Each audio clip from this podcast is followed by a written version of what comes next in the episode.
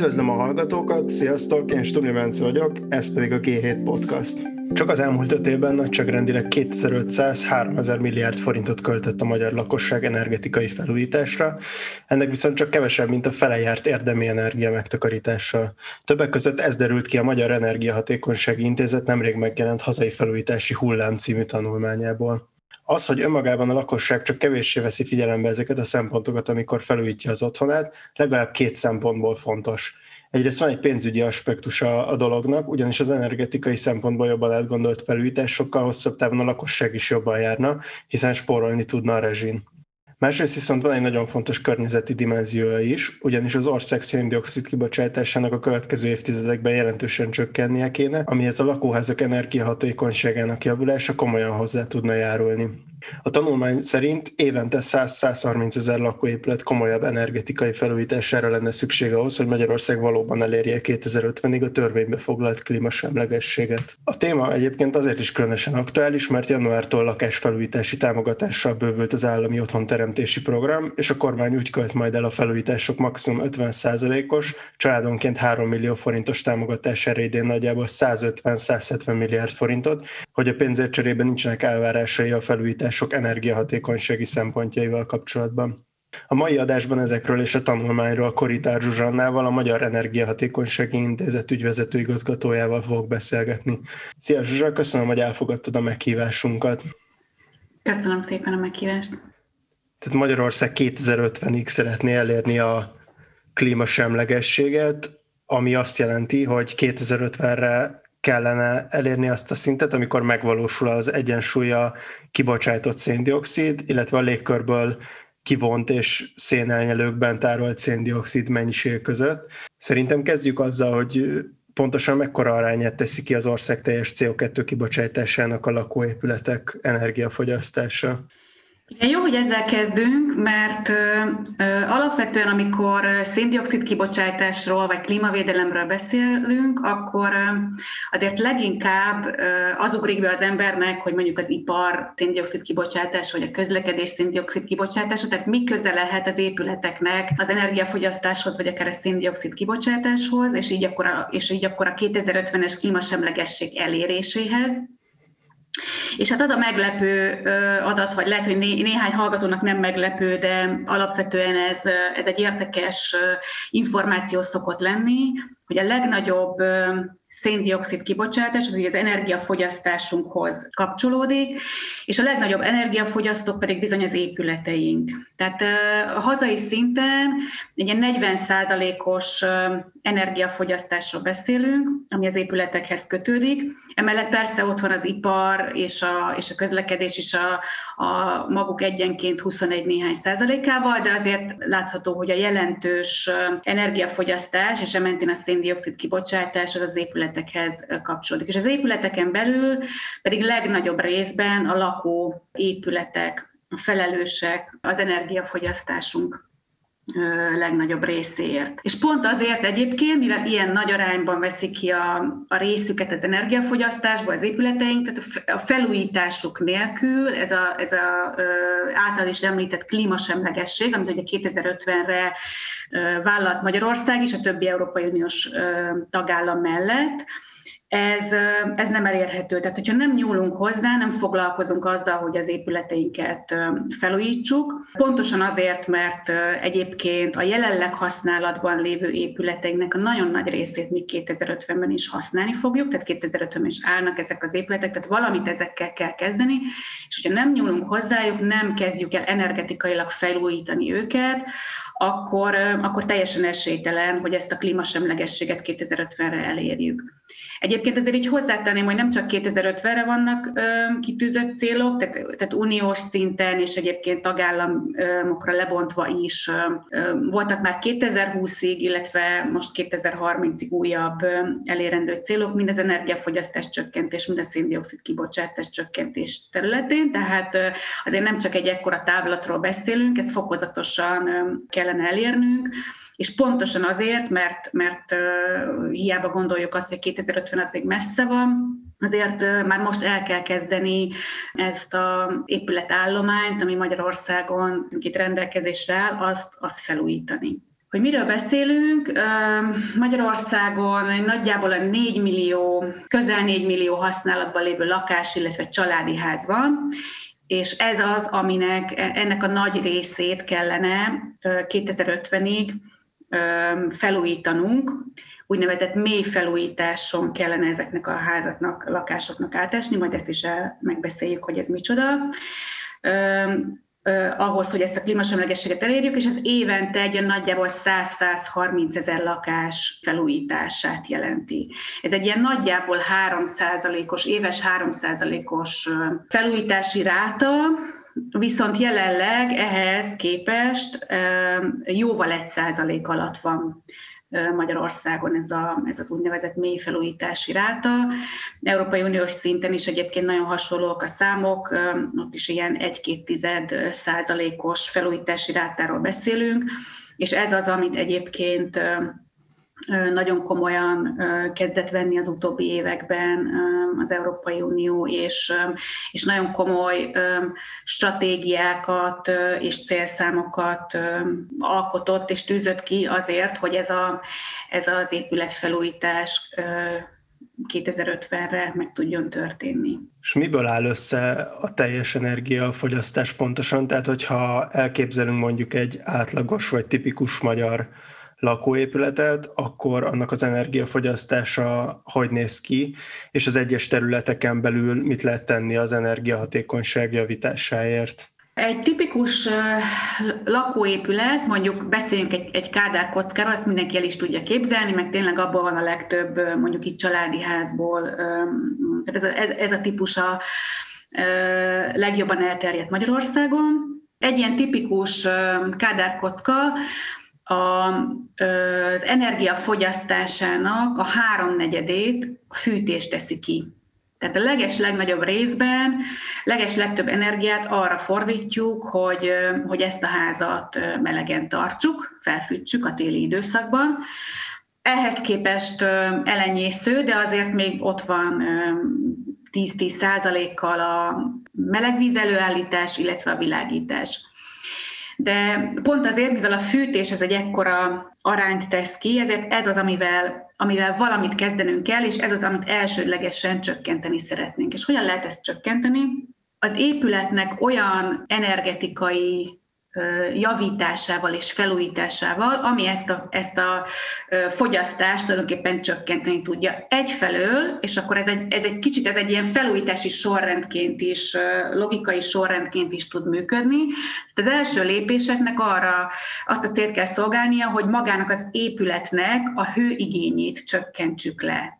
Ezt meg tudjuk tenni azzal, hogy nyilászárót cserélünk és hőszigetelünk, tehát ugye legelső sorban az a, az a lényeg, hogy ez a ház, ez egy, ez egy jól szigetelő ház legyen, ne eressze be a hideget, ne eressze ki a meleget, tehát ami, ami hőt bent keletkeztetünk télen, az benne is maradjon. Tehát ezt lesz, lehőszigeteljük homlokzati hőszigeteléssel, tető és födémszigeteléssel, illetve kicseréljük a nyílászárókat egy hőelbocsátási tényezőjű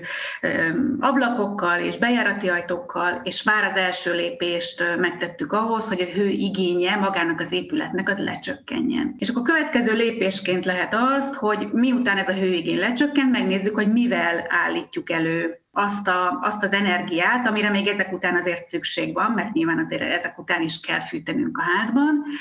így tehát a fűtési rendszerrel kezdünk el foglalkozni, vagy maradunk a, annál a fűtési rendszernél, amit eddig is használtunk, mondjuk gázfűtésünk volt,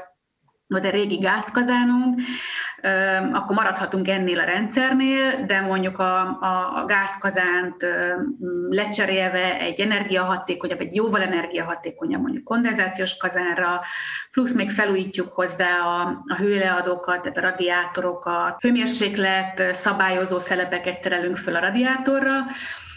és akkor így esetleg helységenként is tudjuk szabályozni a hőmérsékletet, nem kell az egész házat fölfűteni, amikor éppen nem tartózkodunk egy-egy helységben. Tehát ezekkel a lépésekkel lehet megtenni azt, hogy ezt a, a, a, az épületnek az energiafogyasztását csökkentsük. Ez a, gyakorlatilag ez a három nagy beavatkozási mód, ugye a hőszigetelés, nyílászáró csere és a, a fűtés korszerűsítés az az, amivel szoktunk foglalkozni, és az általad említett tanulmányunkban is egyébként ezeket vizsgáltuk meg,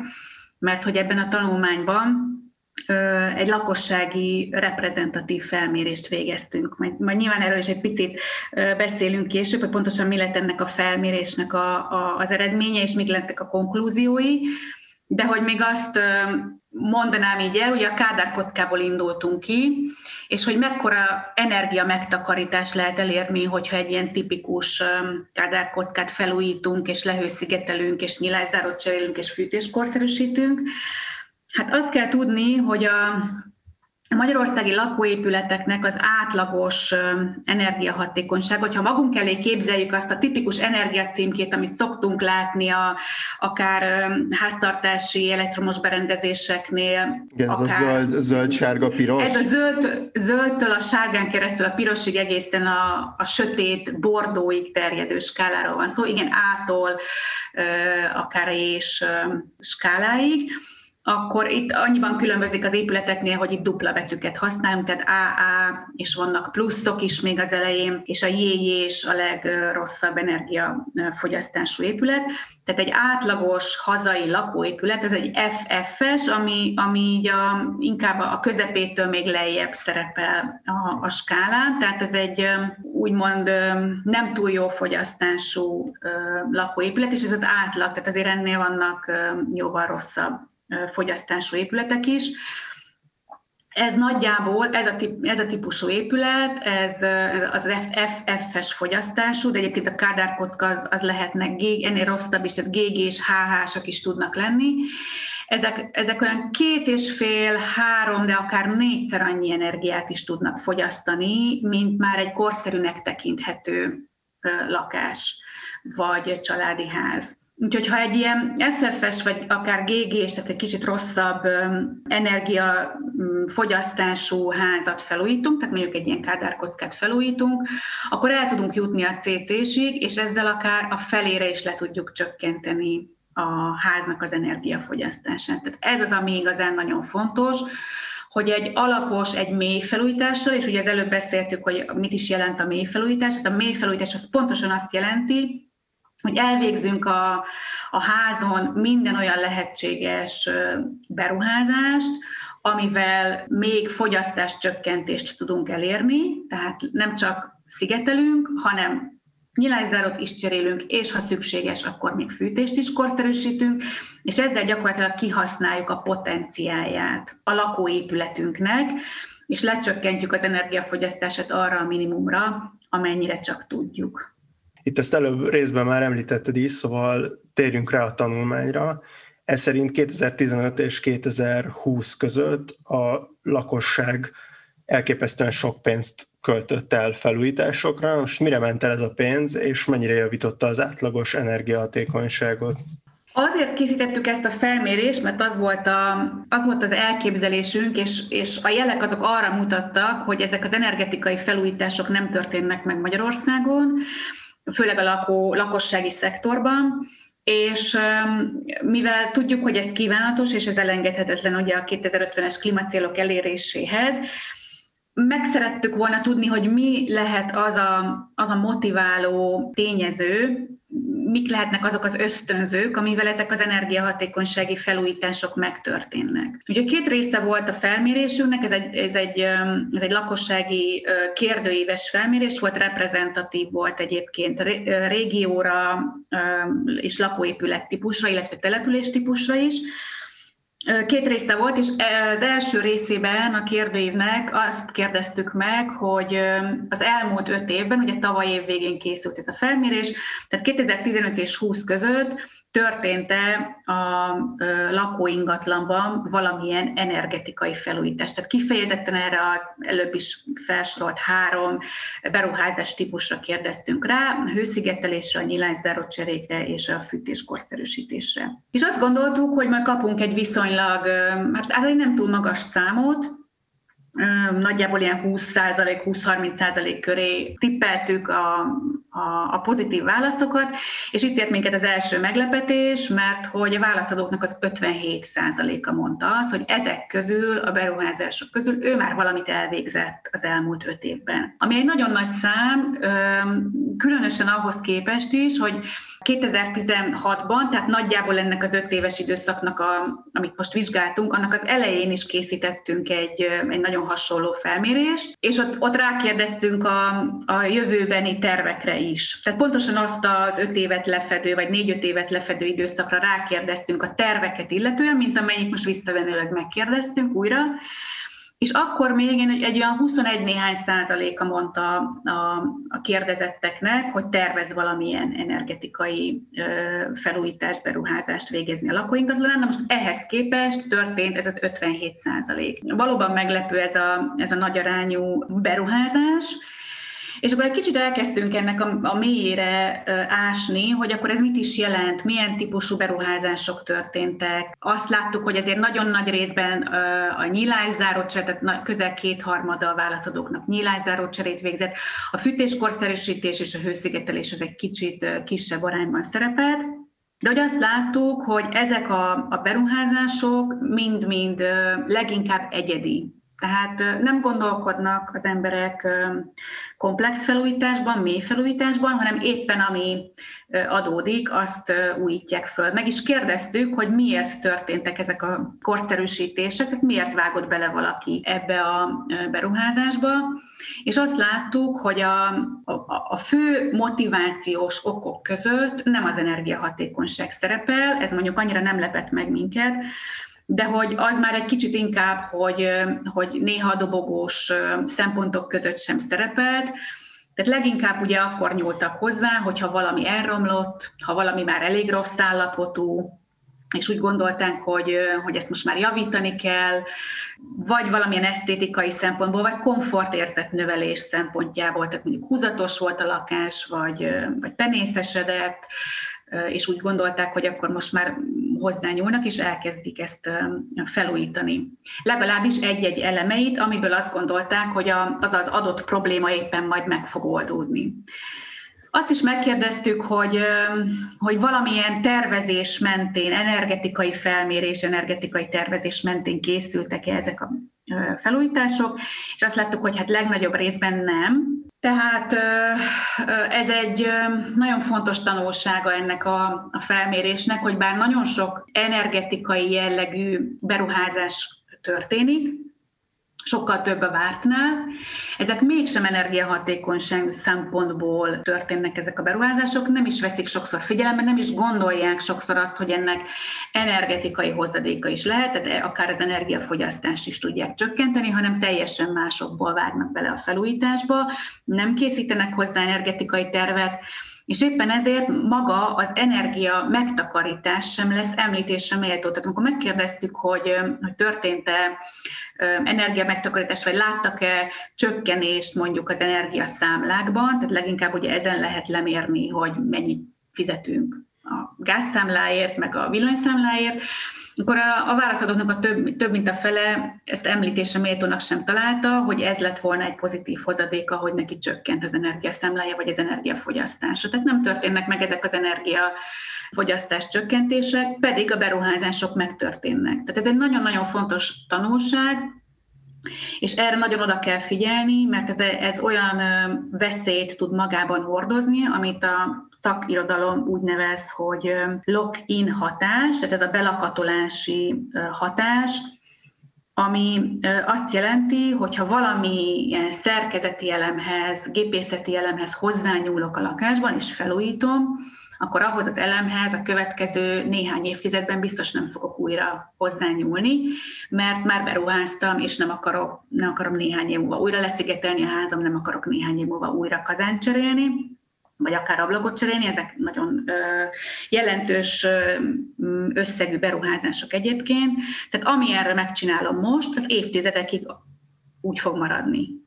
Hogyha most lehőszigetelem ugyan a házamat, de csak egy 5 centis szigetelést csakok rá 20 centis szigetelés helyett, akkor, akkor hosszú évtizedekig nem engedem meg a házamnak, hogy azt a energiafogyasztás csökkentést elérje, amit egy 20 centis szigeteléssel el tudnék érni. És ezt bezárom a házba gyakorlatilag ezt a lehetőséget, tehát évtizedekig nem lesz újra lehetőség arra, hogy ezt a, a, a háznak ezt az energiafogyasztását ilyen módon csökkenteni tudja. És lehet, hogy erre a kérdésre nem tért ki a tanulmány, szóval lehet, hogy inkább csak a véleményedre vagyok kíváncsi, de szerinted milyen mértékben a forráshiány és mennyire az átgondolatlansága az oka, hogy a lakosság nem gondolkodik nagyobb arányban olyan felújításokkal, amivel csökkenteni lehet a rezsiszámlát? A, hát a felmérésből leginkább az derült ki, de ez már inkább egy ilyen másodlagos következtetés, hogy, hogy azért nagyon sok múlik az információ hiányon. Tehát az, hogy, hogy ennyien végeztek valamilyen beruházást, de nem, nem energetikai szempontokat figyelembe sem vettek, ez azért leginkább arra következett, és egyébként azt is megkérdeztük, hogy milyen forrásból fedezték az elmúlt öt évben ezeket a beruházásokat, és leginkább saját forrásból. Tehát aki hozzányúlt, annak azért volt valamilyen pénze, valamilyen megtakarítása, kölcsön tudott kérni, stb. Tehát tudott gyakorlatilag pénzt szerezni ahhoz, hogy ezt a felújítást elvégeztesse de nincs meg hozzá az a szempontja, azok, nincs, nincsenek meg azok az információi, ami mentén egy picit tovább gondolná, és azt mondja, hogy rendben van, hogyha én most ablakot cserélek, akkor megpróbálom ezt kimaxolni, szép magyar kifejezéssel, és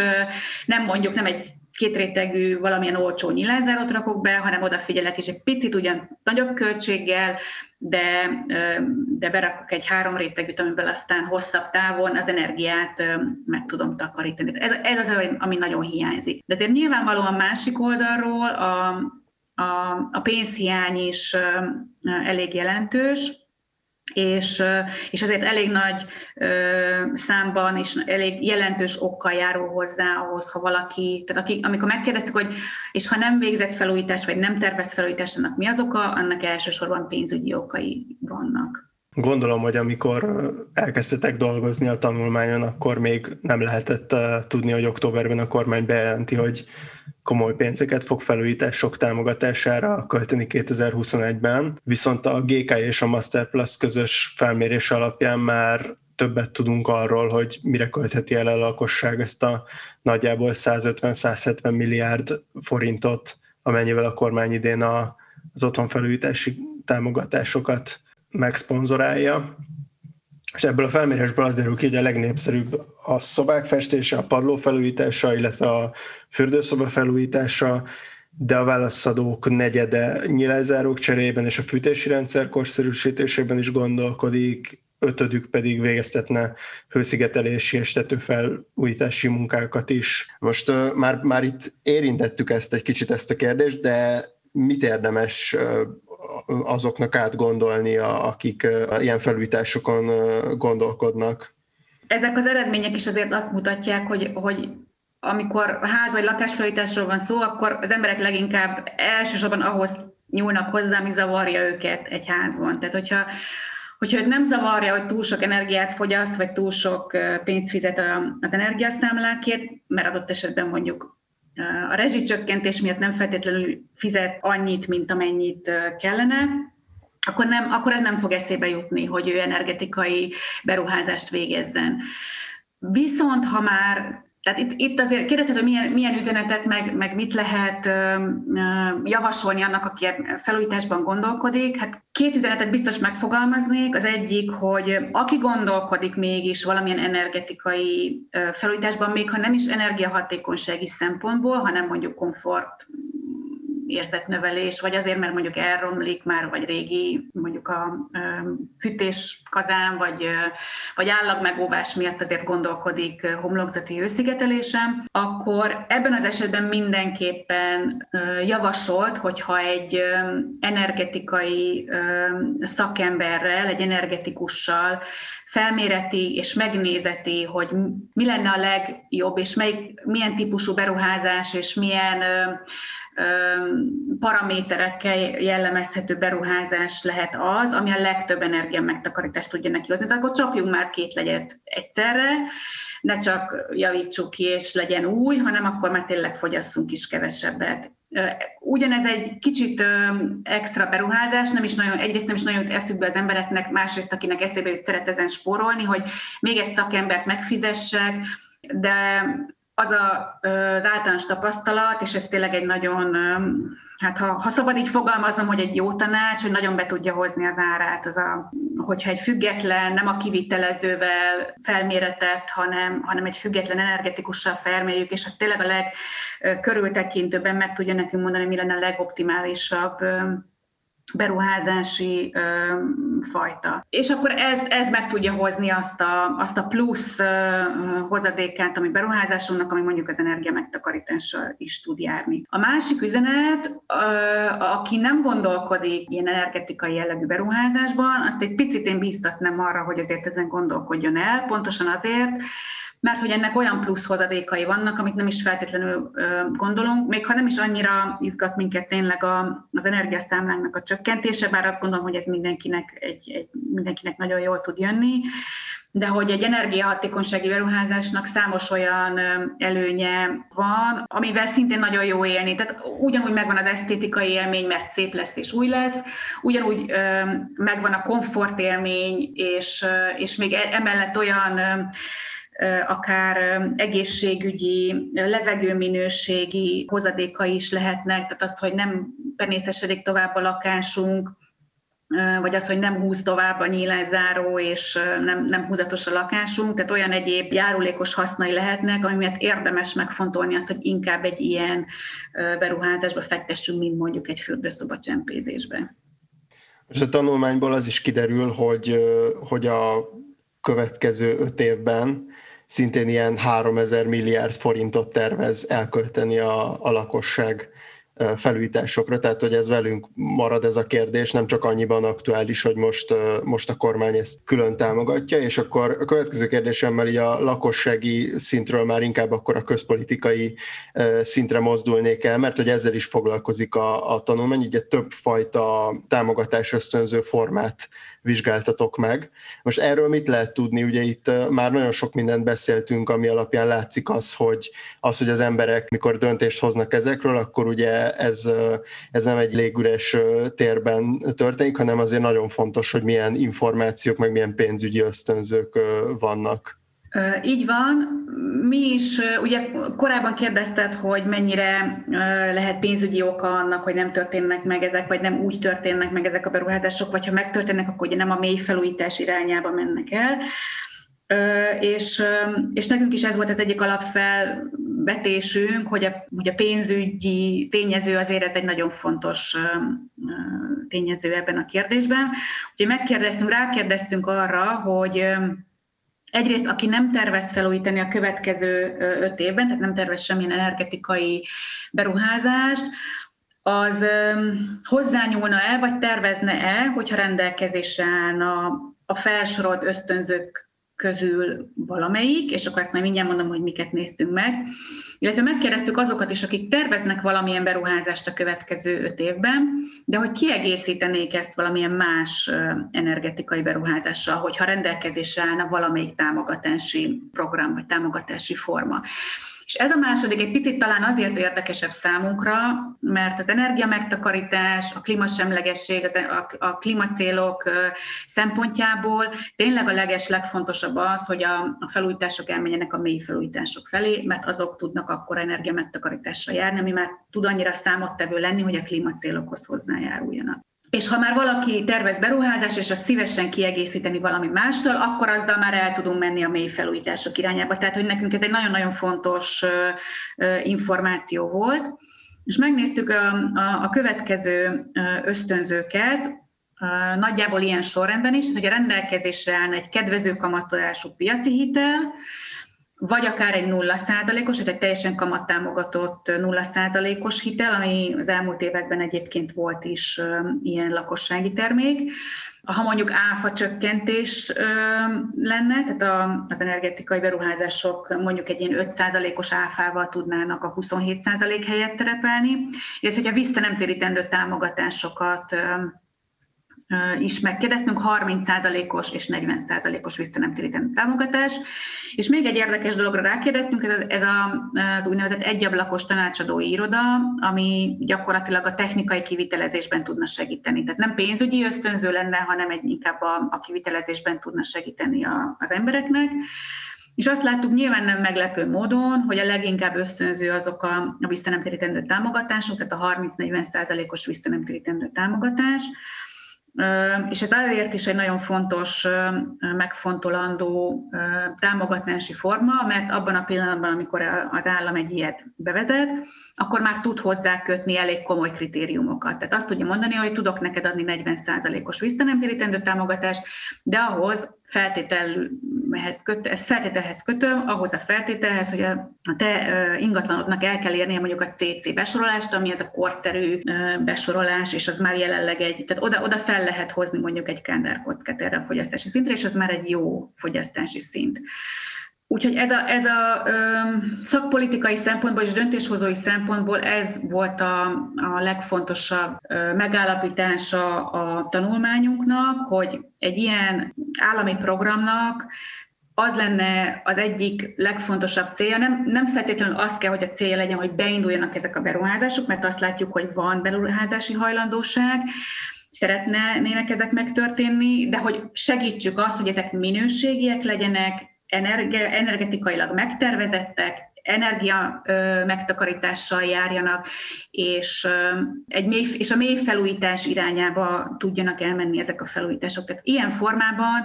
ez már akár az Európai Uniós célok között is elszámolhatóak lennének jelenlegi családtámogatási programmal kapcsolatban ez, ez a legnagyobb probléma talán, legalábbis energetikai szempontból, hogy nincsenek energiahatékonysági kritériumok, tehát semmilyen módon nem, jelenik, nem jelennek meg benne energetikai kritériumok, tehát tényleg bármit el lehet velük végeztetni. Ilyen módon nem is igazán lesz arról információnk, hogy milyen jellegű beruházások történtek. Persze nyilván a benyújtott számlák mentén azért lehet valamilyen statisztikát erről készíteni, de az, hogy ezek, ezek a beruházások mennyire voltak hatékonyak, és mennyi energia megtakarítással tudtak járni, Erről biztos, hogy nem lesz információ, és ez ilyen formán akár, tehát hogy ez nem is lesz felhasználható a, majd az energia megtakarítási céloknak a, az elérésében és, és lejelentésében az Európai Bizottság felé. Rendben van, hát akkor szerintem legyen ez a, a végszó, és hát én nagyon remélem, hogy, hogy ezt az adást ezt nagyon sok olyan hallgatónk hallgatta meg, aki tervez felújítást, és majd figyelembe veszi ezeket a szempontokat, amiket Zsuzsa elmondtál, és köszönöm szépen, hogy a vendégem voltál akkor ezen a héten. Én köszönöm a lehetőséget. A hallgatóknak pedig köszönöm, hogy itt voltak velünk. Iratkozzatok fel ránk ott, ahol a podcastokat hallgatjátok, és ha tehetitek, akkor támogassatok minket úgy, mint hogyha előfizetnétek alapra a g7.hu per támogatás oldalon. Én Stubja Bence, a G7 újságírója vagyok, a G7 podcastot hallottátok.